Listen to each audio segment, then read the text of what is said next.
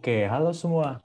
Kembali lagi nih di Spark Talk Podcast edisi ke-7 bersama aku Agustinus Brevi. Pada kesempatan kali ini, kita kedatangan sosok yang keren banget dan mungkin sudah sering didengar sebagai mahasiswa legendaris di dunia Olimpiade Matematika. Nah, beliau sekarang masih aktif dalam mengajar matematika kalangan nasional dan internasional juga loh. Keren banget kan? Mungkin beberapa udah bisa nebak namanya dan tanpa berlama-lama lagi, mari kita sambut Kak Hans Mahadika. Oke, halo Kak Hans. Halo, selamat malam semuanya. Boleh perkenalin diri kakak dulu deh. Oke, oke. Ya, ya perkenalan diri gue ya. Oke, nama lengkap gue Hans Mahadika Susanta. Uh, bisa akrab ya dipanggil kalau gue tuh Hans di kalangan FIPA. Gue angkatan 2018 ilmu aktuaria ya targetnya sih semester ini gue lulus sekarang tinggal skripsian doang uh, mungkin sekedar itu aja uh, perkenalan dari gue kira-kira ada yang mau dipertanyakan kembali atau gimana uh, udah cukup dulu kali ya kan nanti kita bakal kenal lebih jauh sama kakak lagi nih di Sukujur podcast ini. Oke. Okay. Oke, okay, oke, okay, siap, Jadi begitu ya. Uh, Hans ini jadi udah jurusan aktuaria udah mau lulus juga nih. Nah, bisa jelasin nggak kak uh, organisasi sama jabatan yang pernah kakak pegang nih apa aja nih? Gimana pengalaman kakak selama kuliah? Oke, uh, gue mulai organisasi itu di awal banget ya, mulai dari semester satu. Uh, gak officially masuk organisasi, tapi gue masuk sebagai tempat magang ya, gue di Radian. Radian itu keilmuannya HMD Matematika. Uh, iya, gue mungkin yang jadi highlight ya, gue pernah jadi PO, PO Oimatek, kemudian WPO Natalan KMK UI, terus PO OI MIPA, kemudian jadi kepala keilmuan BEM Pak UI. Uh, namun selain di situ gue juga gak cuma di keilmuan ya, walaupun gue mainnya di keilmuan, tapi gue juga nyicipin banyak hal organisasi atau kepanitiaan.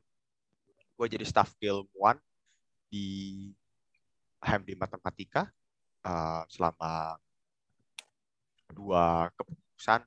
Terus gue juga pernah jadi staff dokumentasi, dan ada staff keamanan dan ketua keamanan di Osaka.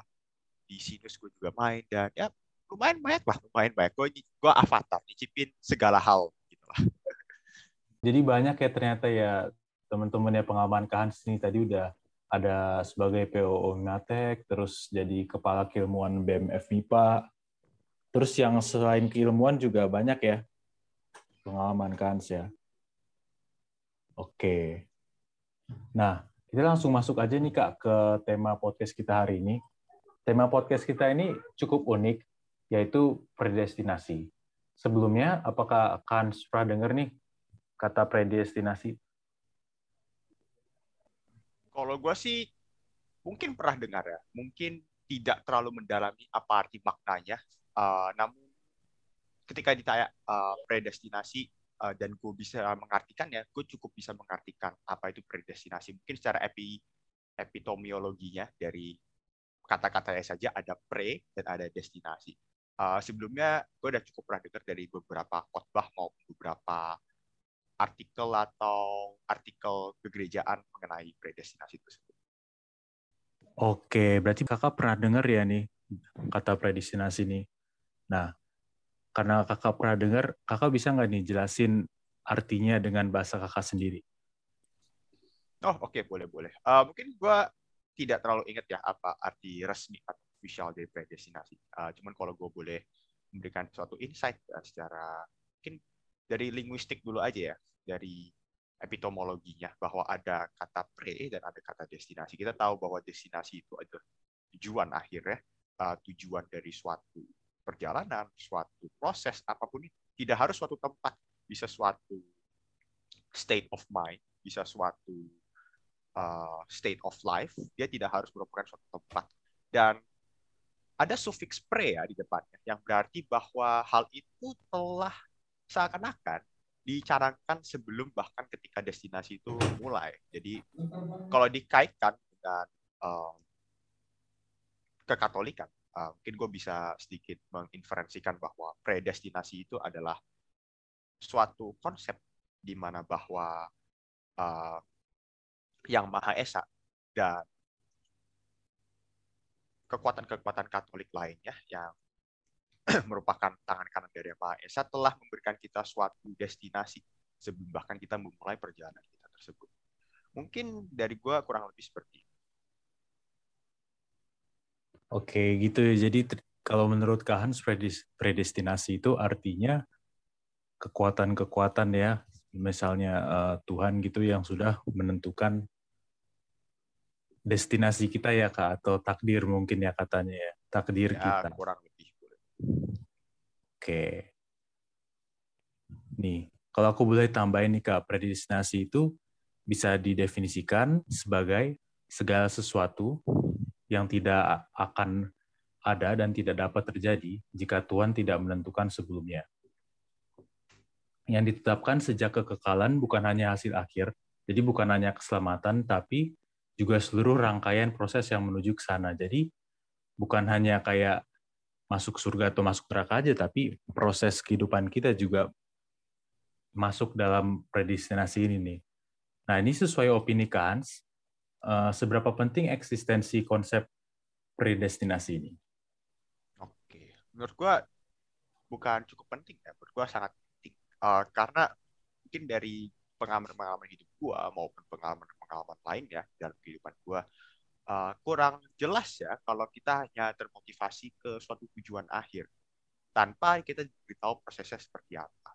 Mungkin bagi kalian yang sudah pernah bersinggungan dengan yang namanya panitian atau organisasi ya tentu ya semua uh, let's say destinasi dari semua program uh, kerja maupun acara itu adalah bahwa membuat suatu acara atau program kerja itu baik. Namun jika tidak ditentukan terlebih dahulu plan-plannya, maka apakah bisa dipercaya orang yang orang yang maju tersebut? Uh, mungkin kalau bagi gue ya kayak konsep itu penting ada dan dimengerti bagi umat-umat Katolik karena uh, menurut gue kurang ada aja ketika dimotivasi bahwa oh ya pada akhirnya lu akan misalkan ke surga atau lu akan ke neraka jika lu melakukan hal yang buruk atau lu tetap akan disayang Tuhan uh, atau lu uh, akan mendapatkan suatu imbalan. Uh, menurut gua oke, okay, gua bisa terima. Namun apakah itu dalam tanda kutip ya uh, kurang jelas bahwa kita semua tuh perlu panduan ya. Namanya juga manusia ya, kita semua perlu panduan. Uh, jadi seakan-akan ketika tidak ada konsep predestinasi yang tadi katanya sudah mengatur bahkan dari jalan-jalannya saja ya. Ketika jalan-jalannya tidak tidak diberikan, seakan-akan destinasi itu kita nggak jelas apakah bisa kita raih atau apakah kita bisa percaya akan destinasi tersebut. Mungkin bisa dimengerti ya, tanpa adanya planning yang diberikan terhadap cara-cara kita menempuh ke destinasi tersebut, uh, mungkin at some point of time kita bisa lost faith jadi perlu ada ya predestinasi. Bahkan ternyata tadi bagus ya eh, konsepnya tidak hanya destinasi doang diperjelaskan. Bahwa ternyata jalan-jalan menuju situ sudah ditetapkan juga. Oke, jadi kalau menurut kan tadi lebih ke peran predestinasi dalam kehidupan kita ya Kak, kita perlu bimbingan dan kayaknya kalau misalnya uh, menyelesaikan segala segala segala kesulitan hidup sendiri itu bukan sesuatu yang mudah ya atau bahkan bukan sesuatu yang bisa dilakukan manusia sendiri ya kak. Ya betul. Oke. Nah kalau dilihat dari sejarahnya nih kak, ketika awal predestinasi diperkenalkan, konsep ini menjadi bahan pembicaraan bukan karena kontroversinya, tapi karena konsep ini tampaknya kontradiktif dengan konsep kehendak bebas yang dimiliki oleh setiap manusia. Nah, menurut Kak Hans, apakah kedua konsep tersebut dapat berjalan bersamaan atau hanya sebagian besar dari konsep tersebut yang dapat berjalan secara bergiliran? Oke, ya, gua cukup bisa mengerti pertanyaannya. Pertanyaannya cukup menarik ya, karena ketika uh, dalam ilmu kekatolikan uh, kita semua tahu bahwa semua orang itu punya free will, bahwa lu ngapain aja terserah, lu dilahirkan punya free will tetapi ternyata ketika konsep ini diperkenalkan, Tuhan juga sudah punya jalan buat tuh. Jadi seakan-akan apa yang gue mengerti dari percayaan ini adalah, jadi free will tuh ada atau enggak ya ketika Tuhan setelah berikan kita jalan, uh, apakah free will kita tetap berlaku gitu ya? karena seakan-akan kontradiktif sekali ya. Uh, kita oke, okay, jadi gue lahir gue boleh ngapa-ngapain aja nih, tapi kok jalan gue udah dikasih. Um, bagi gue, personally bagi gue, menurut gue, gue tidak ada masalah dengan kedua konsep tersebut. Gue tetap merasa itu bisa berjalan satu sama lain. Uh, mungkin yang gue ingin canangkan dari cara pemikiran gue adalah uh, dua hal itu merupakan suatu uh, sesuatu yang di granted sama yang Maha Esa secara berbeda ya. Uh, mungkin orang-orang bakal kepikiran bahwa ya itu ya sangat kontradiktif. Tapi uh, menurut gue tidak kontradiktif karena kedua hal itu merupakan dua hal yang pada sisi yang berbeda. Ketika lu diberikan free will, ya ya udah, lu diberikan suatu kebebasan untuk bertindak. Tidak berarti kebebasan yang untuk bertindak itu akan merubah, uh, let's say, uh, rencana Tuhan yang telah diberikan kepada lu. Gitu ya. Lalu dan ketika rencana terhadap Tuhan itu telah diberikan, tidak berarti juga lu tidak punya free will ya. Jadi menurut gua kedua hal itu uh, lepas satu sama lain. Uh, tindakan kita, uh, kalau kita percaya dengan namanya bahwa Tuhan selalu membantu ya, bahwa Tuhan selalu memberikan jalan, apa pun tindakan kita, uh, gue tetap percaya bahwa at the end of the day, God will give His way. Aja. Jadi menurut gua sama sekali dua hal itu awalnya terdengar kontradiktif. Nah, tetapi ketika kita mulai berpikir secara lebih lanjut, bisa dibayangkan bahwa apa ya bahwa sebenarnya apa yang kita lakukan juga secara tidak langsung pasti Tuhan akan memberikan jalan. Dan ketika Tuhan memberikan jalan, bukan berarti itu free pass, tetapi ketika kita melakukan hal-hal yang seakan-akan keluar dari jalan tersebut, sesuai kepercayaan kekatolikan, uh, tidak ada yang namanya Tuhan akan mentelan, yang akan mentelantarkan kita. Tuhan akan selalu memberikan kita jalan. Jadi predestinasi menurut gue tidak sepenuhnya kontradiktif dengan free will. Oke, jadi kalau menurut Kak Hans nih nggak kontradiktif ya Kak ya. Jadi walaupun iya. walaupun memang Tuhan udah punya rencananya, kita tetap punya kehendak bebas kita gitu ya Kak. Tapi kehendak kita nggak bisa mengubah rencana Tuhan. Jadi misalnya iya. kayak mungkin kalau ngomongin di kekristenan misalnya uh, kisah hidup uh, Yesus Kristus ya mungkin orang-orang yang kayak misalnya Judas gitu ya kan diketahui kan dari cerita-ceritanya kan dia berkhianat gitu ya. Tapi itu mungkin karena pengkhianatan dia itu jadi mungkin ya penebusan dosa sama penyaliban dan lain-lain gitu. Jadi walaupun itu kendaknya Judas tapi dalam uh, keseluruhan kayak rencananya itu masih dalam rencana Tuhan gitu ya kalau gue boleh tambahin dikit, uh, kita percaya bahwa uh, Tuhan Yang Maha Esa itu adalah seorang grand creator dan grand creator yang uh, the governor of the universe. Uh, jadi menurut gue, uh, kita anggap aja Tuhan itu suatu ultimate being, uh, the law of the universe. Uh, sehingga apa pun yang ia ciptakan, uh, ketika dia menggranted sebuah free will, dan jadi ada dua hal, ada free will dan jadi predestination. Uh, kita tahu bahwa alam itu mutlak dan tidak bisa di uh, seakan-akan dipecahkan ya.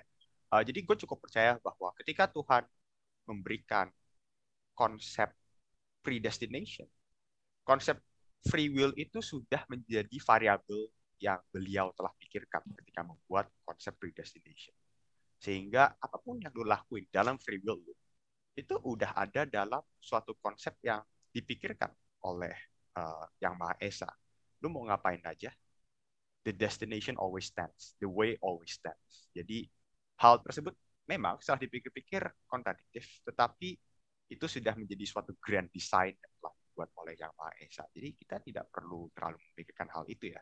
Nah, namanya juga kita keep in faith ya sebagai umat Katolik kan kita keep in faith in uh, God Almighty. Dan salah satu bentuk dari faith itu yang menurut gue cukup important dari perbincangan ini adalah bahwa free will itu tidak kontradiktif dengan uh, predestination. Justru free will itu merupakan suatu variabel yang telah dipikirkan sehingga predestination itu tidak akan kacau ketika ditabrak oleh free will dan tentu malah bersifat komplementer terhadap free will tersebut. Seperti itu. Oke, jadi menarik tuh tambahannya kayak jadi dia uh, komplementer artinya mungkin saling mensupport gitu ya, saling ya. mendukung.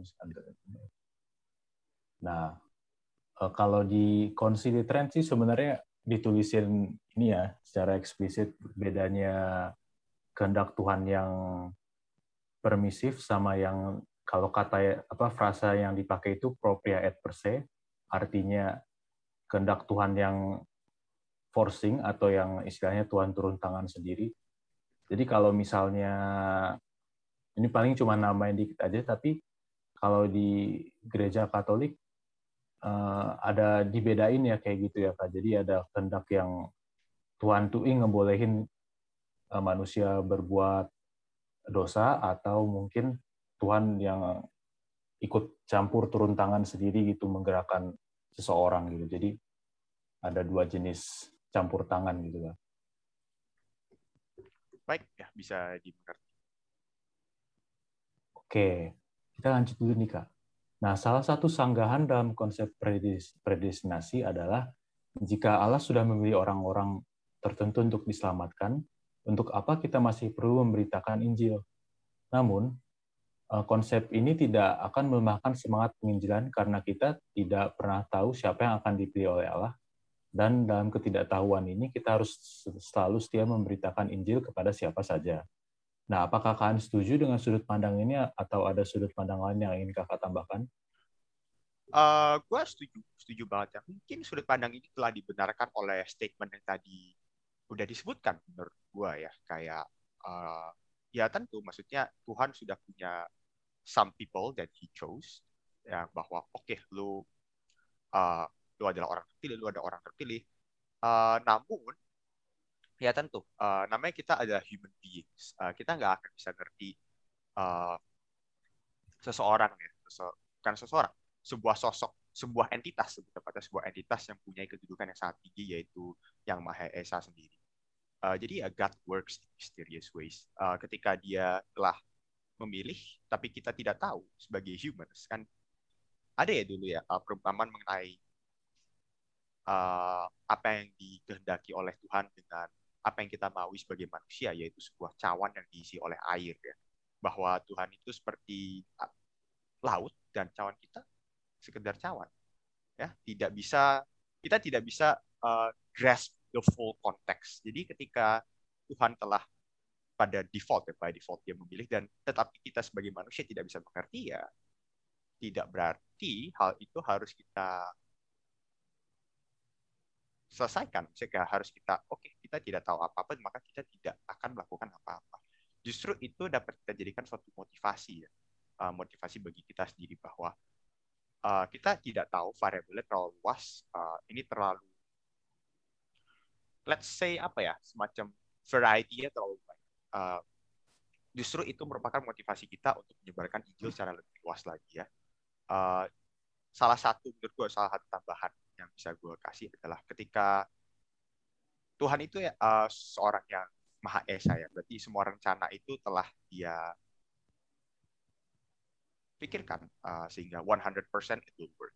Ya kita sebagai man sebagai manusia yang mendapatkan rencana maupun ilham tersebut menurut gue ketika kita tidak tahu itu merupakan suatu rencana dari Tuhan sendiri ya bahwa manusia yang tidak tahu uh, dapat di ketidaktahuan mereka merupakan suatu kemanfaatan tersendiri bahwa ketidaktahuan kita itu bisa memotivasi kita untuk mencari tahu lebih ya bahwa ketika ada orang-orang yang terpilih bahwa ada orang-orang yang terpilih tapi kita tidak tahu ya tidak berarti kita harus stop ya jadi menurut gua ya bisa dibilang bahwa hal itu bersifat cukup kontradiktif dengan berbagai ajaran yang lain apalagi bahwa kita tahu bahwa uh, ada ajaran-ajaran dari agama-agama lain mengenai orang-orang terpilih juga yang tidak 100% uh, selaras dengan. Uh, namun dengan adanya konsep predestinasi tersebut itu memberikan suatu kita bukan semangat lebih tepatnya. Uh, gue cukup percaya bahwa selamat diberi, uh, semangat semangat itu diberikan oleh Tuhan dalam bentuk lain. Uh, tapi hal ini memberikan kita suatu wisdom, wisdom terselubung bahwa ya Tuhan itu yang maha esa, bahwa apa yang telah dia rencanakan bagi kita itu ya harus kita laksanakan apa adanya. Jadi bukan predestinasi itu bukan semacam semangat yang diberikan, tapi lebih ke suatu wisdom, suatu pengetahuan bahwa pada akhirnya kita pun kan juga uh, sebuah variabel ya dari dunia yang dibuat oleh Yang Maha Esa. Bahwa kita juga turut ikut bermain. Tuhan itu punya segala kehendak, tapi segala kehendak itu juga merupakan suatu rencana bagi kita kita sendiri. Siapa tahu bahwa yang dimaksud dengan ketidakjelasan tersebut, uh, predestinasi tersebut juga merupakan cara Tuhan dalam tanda kutip memberikan kita jalan kita akan kecil. Kurang lebih seperti itu. Oke, jadi begitu ya ternyata ya kalau pendapat ke Hans tadi itu uh, memang kita nggak tahu semuanya dan memang walaupun kalau ada predestinasi mungkin kita mikirnya untuk apa sih uh, memberitakan Injil gitu. Tapi sebenarnya dari ketidaktahuan kita itu itu membuat kita itu memberikan kita semacam wisdom ya tadi semacam mungkin kak juga humility bahwa kita nggak ya, tahu betul, betul, betul kita nggak tahu takdir dan kita nggak bisa kira-kira takdir. Kalau misalnya ada sesuatu yang Tuhan suruh kan kayak memberitakan Injil gitu kita ikutin aja dulu gitu kan ya everything will make sense at the end of the day menurut gue sih itu ya oke nih terakhir kak yang mungkin dapat kita bahas mengenai predestinasi ini itu ya uh, ada sanggahan yang ngomong kalau misalnya Allah itu tidak adil karena memiliki keselamatan untuk sebagian orang dan tidak untuk semuanya.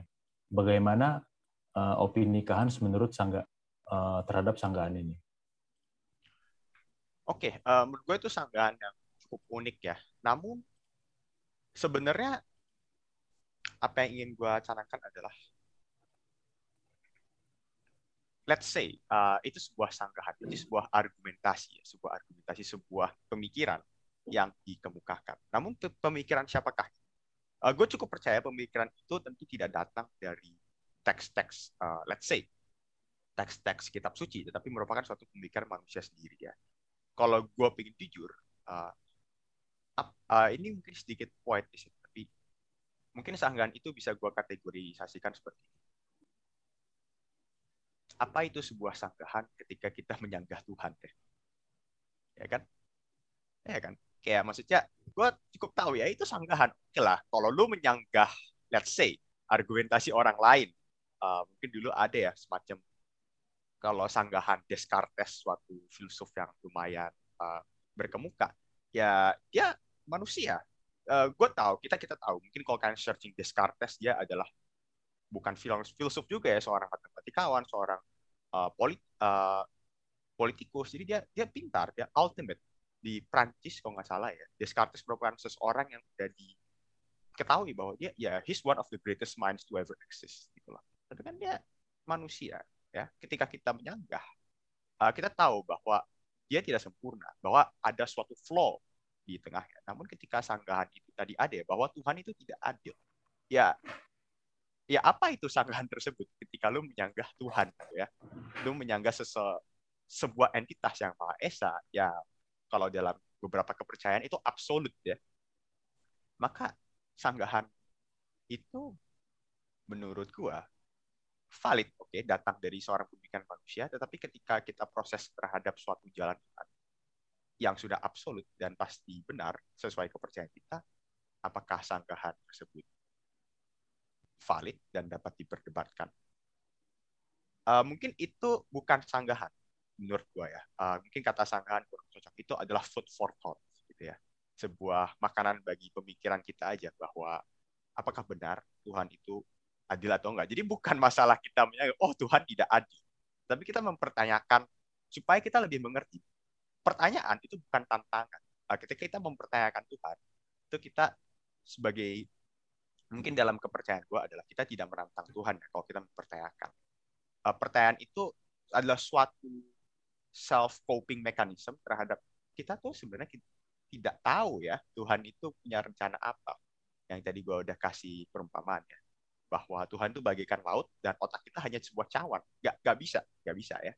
Jadi ketika ada sanggahan tersebut, mungkin uh, refleks gue untuk dijawab adalah, ya itu adalah food for thought. Itu bukan sanggahan, itu adalah selebih patut ya menjadi sebuah pertanyaan supaya kita lebih bisa coba mengerti uh, konsepsi yang diberikan oleh Tuhan tersebut yaitu adalah apakah Tuhan itu adil atau enggak kalau ingin menyanggah ya back to the main point ya, apa itu sebuah sanggahan ketika kalian menyanggah Tuhan?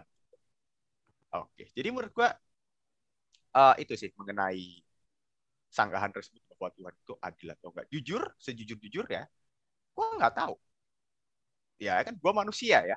Justru adanya perbincangan, ada podcast ini adalah untuk ya sebagai suatu namanya juga. Jadi nama podcast kalian apa Spark ya, ya kan?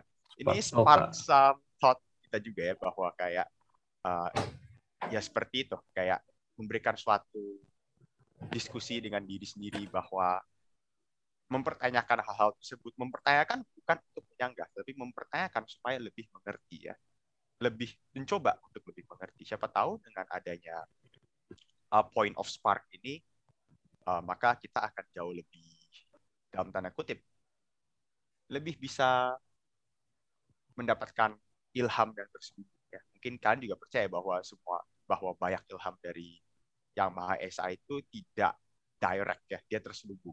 Akan bisa kalian sadari ketika waktunya sudah ya sudah waktunya saja dan mungkin uh, tadi ya sebagai dalam tanda kutip sanggahan tersebut gue secara personal merasa itu lebih ke suatu pertanyaan yang sebenarnya sih uh, tidak berdosa juga ya untuk mempertanyakan hal tersebut justru kita mencoba untuk lebih mengerti sedikit demi sedikit sehingga the grand design, the grand plan yang Tuhan telah berikan dalam pembuatannya, pembuatan alam semesta bisa kita jauh lebih mengerti.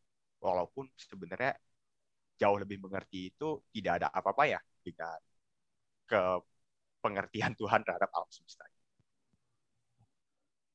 Oke, jadi begitu ya. Tadi kalau aku singkat, aku ringkas sedikit nih, uh, jawaban kakak itu uh, centered around kalau kita ini nggak bisa ngerti semuanya ya apa ya. yang Tuhan ini kan kalau kita ngomong tidak adil sebenarnya mungkin kalau aku boleh tambahin dikit nih kak kalau kita ngomong yang masalah tidak adil tidak adil gini kan itu jadi termasuk pertanyaan kenapa gitu ya pertanyaan why terus mungkin bisa ditanyain kenapa nggak semua orang diselamatkan? Atau bahkan kenapa uh, bumi diciptakan gitu ya terus kenapa nggak Eh, manusia langsung di surga aja? Atau mungkin bahkan kenapa ada manusia sama sekali gitu kan ya kak?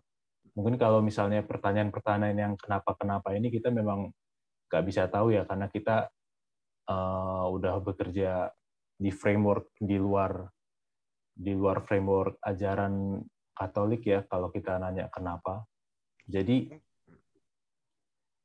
di situlah mungkin kita sadar kalau kita Eh, banyak hal yang tidak kita tahu alasannya gitu Mungkin kalau gue bisa ngasih perumpamaan yang baik adalah, let's say kita hidup di suatu dunia yang diciptakan oleh Tuhan, bukan suatu dunia, suatu bagian, suatu bagian dari dunia yang diciptakan oleh Tuhan yang Maha Esa. Kan tentu ya, masa misalkan uh, explicitly gue ngomong kita hidup di kan Tuhan juga menciptakan matahari, bulan dan lain sebagainya. Apa yang kita bisa lihat sebagai manusia yang hidup di bumi adalah suatu point of view yang hanya seperti itu aja ya. Misalkan kayak kita ada di suatu kubus ya. Kita ada di suatu uh, let's say permukaan kubus. Yang kita lihat hanyalah bagian dua dimensinya saja. Kita bisa melihat ke kiri, kanan, depan, belakang. Tapi yang Maha Esa yang membuat kubus tersebut bisa melihat keseluruhan kubus tersebut. Jadi apa yang kita lihat persepsinya itu tidak tidak lengkap. Kita tidak melihat persepsi itu dari cara pandang uh, Tuhan yang Maha Esa itu sendiri. Jadi ya sanggahan kita dapat dimengerti oleh entitas-entitas yang sepemikiran dan punya kesadaran seperti kita sendiri, yaitu manusia. Uh, mungkin bagi kalian yang mendengarkan cukup make sense ya argumentasinya. Kayak iya ya nggak adil. Ya. Tapi ya itu itu make sense buat kalian tapi buat buat gue juga make sense tapi buat Tuhan yang telah melihat kubus itu dari seluruh pandangan ya itu ada suatu jawaban yang kita tidak bisa mengerti karena kita hanya melihat pada satu permukaan saja ketika Tuhan yang telah melihat dari point of view derajat segini posisi di sini dan semuanya itu jelas bahwa it's correct what I make is correct kita yang hanya hidup di suatu permukaan tidak bisa melihat pandangan-pandangan lain cukup bisa dimengerti ya. Jadi ya tentu sanggahan tersebut seakan-akan incomplete. Tidak berdasarkan the grand design yang Tuhan hanya bisa mengerti. Seperti itu. Oke, jadi uh, mirip sih sama yang sebelumnya, Kak. Tapi tambahannya tadi kalau uh, umpamanya kita makhluk dua dimensi ya, terus Tuhan tiga dimensi, bisa ngelihat ya. hal-hal yang kita nggak tahu gitu ya.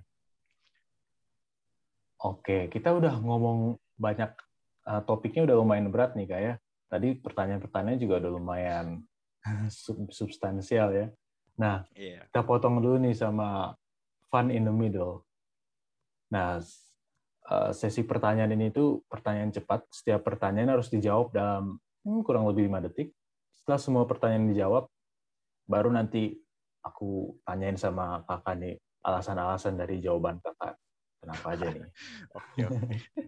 Ada alasan. Langsung, ya. langsung mulai aja ya, Tak. Hmm, genre musik favorit kakak? Hardstyle, dubstep. Matkul terfavorit dan terbenci? Terfavorit MK, terbenci Stapak. Makanan favorit? Kue tiaw ketoprak. Single atau taken? Taken. Idola kakak? Bokap, Ramanujan, sama Joan of Arc. Games terfavorit? Clash Royale, Football Manager, Borderlands. Oke. Jadi kalau aku sebutin lagi nih tadi games uh, genre musik terfavorit hardstyle dubstep, matkul terfavorit MK dan terbenci S Statmat 2 ya. Makanan terfavorit kue tiaw atau ketoprak, single atau taken taken. Idolanya bokap Ramanujan sama Joan of Arc. Terus games terfavorit Clash Royale, Football Manager sama Borderlands. Boleh dimulai dari musiknya kak? hardstyle dubstep itu itu genre apa kak dan kenapa kakak suka? ya itu memang genre yang apa ya cukup rare ya di kalangan let's say orang-orang Indonesia pada awalnya ya gue suka aja semangat dan menurut gue ada sisi artistik tertentu yang mungkin tidak bisa dimengerti oleh orang awam. Bukannya gue sok edgy atau apa, tapi ya kita tahu ya namanya juga seni ya. Seni itu kan diapresiasi gitu. Jadi ya, ya gue nge-vibe aja. Gue merasa bahwa hal tersebut bisa diapresiasi secara lebih menarik saja. Uh, nanti kalau kalian bikin podcast tentang musik bisa gue bicarakan ya. Mungkin kalau gue bicara mungkin bisa lebih dari sejam. ya itulah se uh, secuplik dari apa yang benar-benar membuat gue uh, suka hardstyle. Kalau kalian mungkin boleh sedikit lebih tahu lebih ya, kan walaupun gue anaknya keilmuan banget dan segala hal yang gue lakukan di apa ya namanya perjalanan kampus gue itu keilmuan banget. Sebenarnya gue tuh jauh lebih ke anak seni. Jadi ya itu perbincangan bakal lebih berat sih. Jadi itu menunjukkan sisi lain ke Hans ya yang mungkin ya, kalau betul, dari kegiatan-kegiatannya ilmuwan semua tapi ternyata ada hobinya juga seni ya. Oke, ini aku tambahin trivia dikit aja kayak. Ya. Kan kalau hardstyle dubstep kan berarti musik elektronik gitu ya. Tahu nggak kalau musik elektronik itu sebenarnya munculnya dari musik klasik? Oh, cukup unik. Gue tidak terlalu tahu sebenarnya. Unik-unik. iya, jadi di awal kalau musik elektronik di musik klasik itu udah ada dari awal tahun 1900-an ya. Dulu itu musik elektronik itu keuntungannya orang-orang tuh mau nyoba-nyoba ikutin sistem musik yang lain kayak yang di India gitu kan musiknya disebutnya mikrotonal jadi note-nya ada banyak gitu ya. Terus interval frekuensi antar notnya kecil gitu ya. Jadi nggak bisa di nggak bisa pakai alat musik biasa. Mereka coba alat musik alat elektronik. Oke. Okay. Matkul terfavorit dan terbenci MK dan Statmat 2. Ini kenapa nih kak? Uh, alasannya sama. Apa ya? Ketika gua mengerjakan matematika ya, itu jauh lebih enak kalau kebayang apa sih yang lu mau diskusikan? MK tuh gampang. Lu mau diskusin apa? Keuangan. Kelar. Lu minjem rumah, eh minjem rumah, lu minjem duit buat rumah, bunganya segini, dibayarnya segini berapa tahun gitu ya. Lo ada saham, apa yang akan dilakukan dengan saham, nilainya akan berapa, mudah ya untuk dibayarkan. Beda dengan start 42. Lo nggak bisa bayangin apa-apa.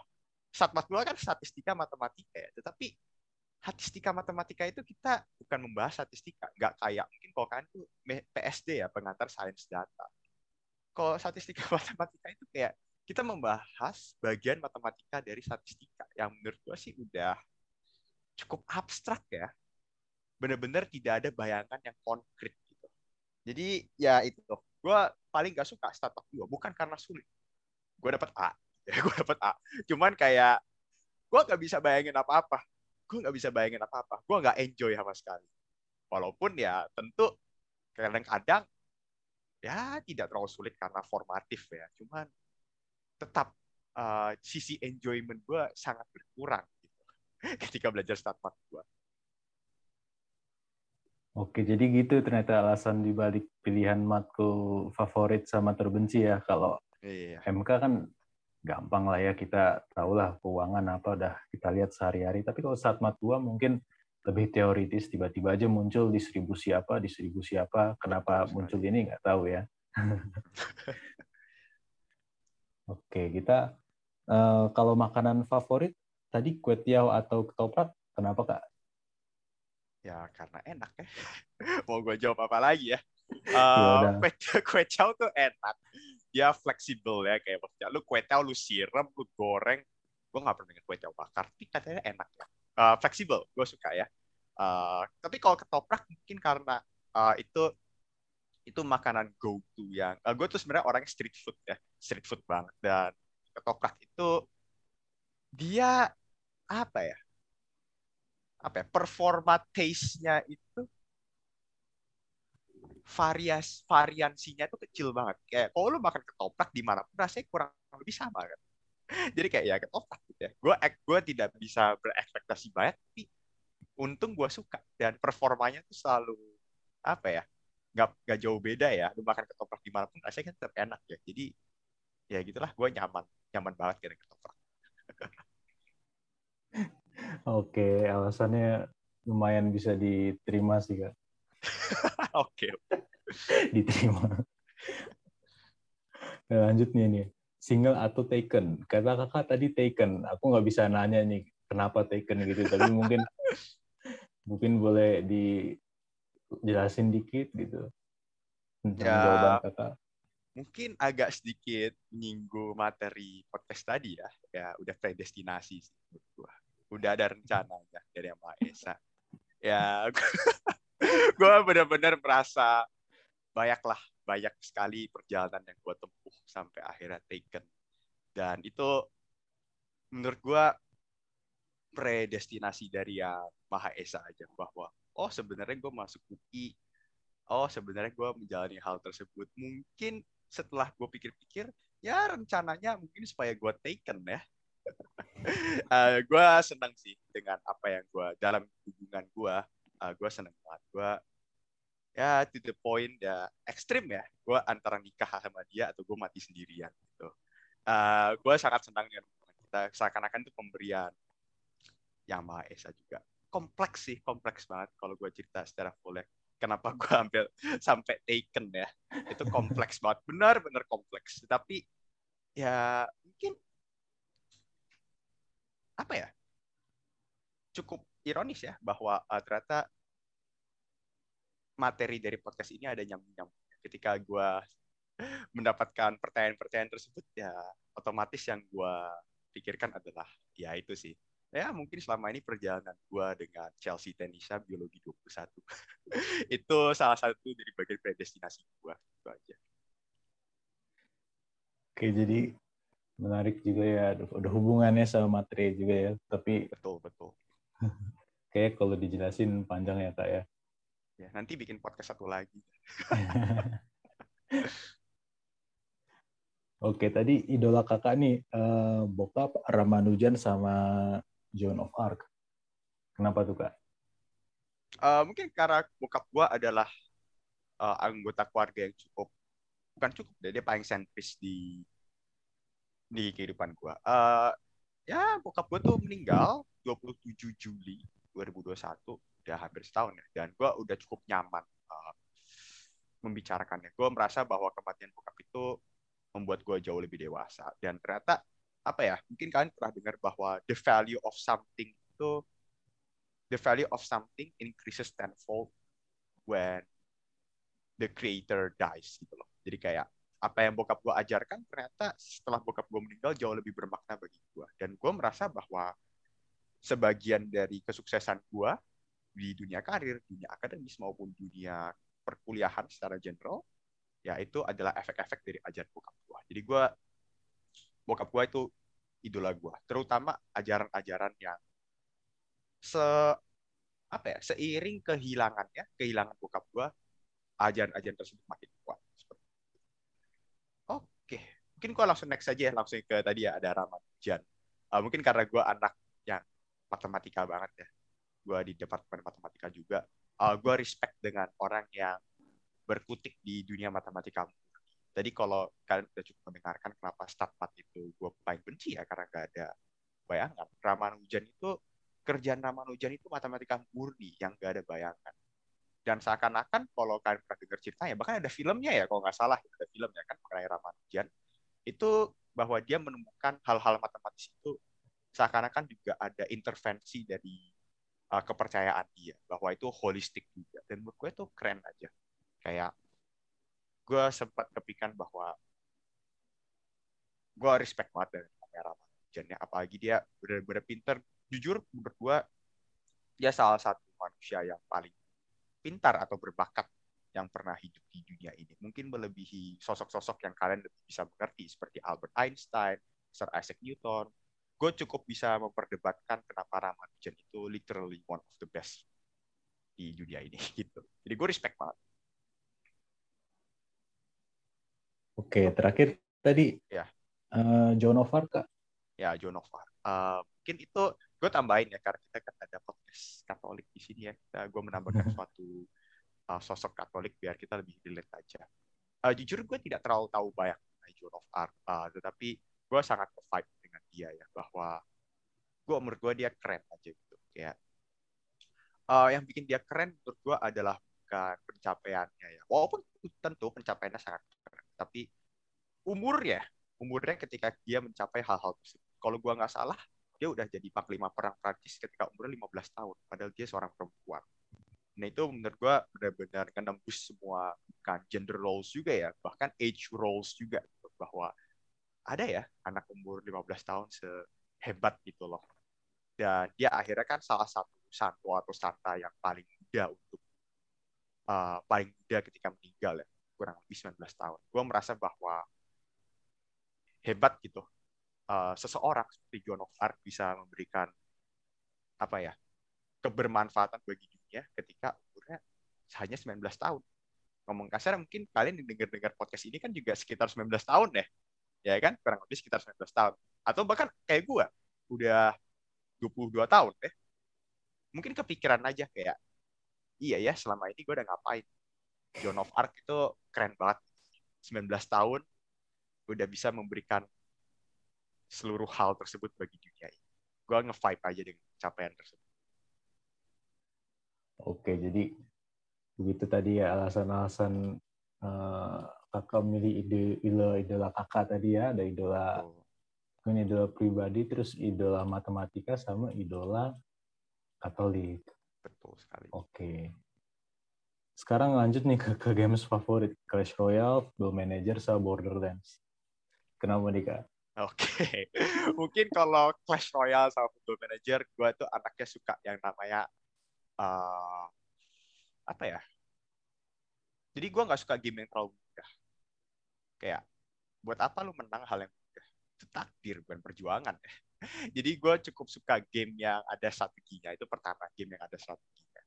Uh, ketika gue main Borderlands sebenarnya bukan main game strategi ya. Dia kan uh, story based uh, first person shooter. Tapi gue suka RNG random number generator uh, bahkan ketika gue main football manager dan Clash Royale pun gue berharap ada random number generator ya di sana ada suatu apa ya keacakan kayak menurut gue hidup itu paling gak seru kalau cuma gitu-gitu doang ketika gue pingin main game gue pingin merasakan hal yang berbeda setiap kali gue main game tersebut. Jadi ya gue pilih game yang paling mudah terkena variabel RNG tersebut. Dan kayaknya tiga game itu yang paling gue enjoy.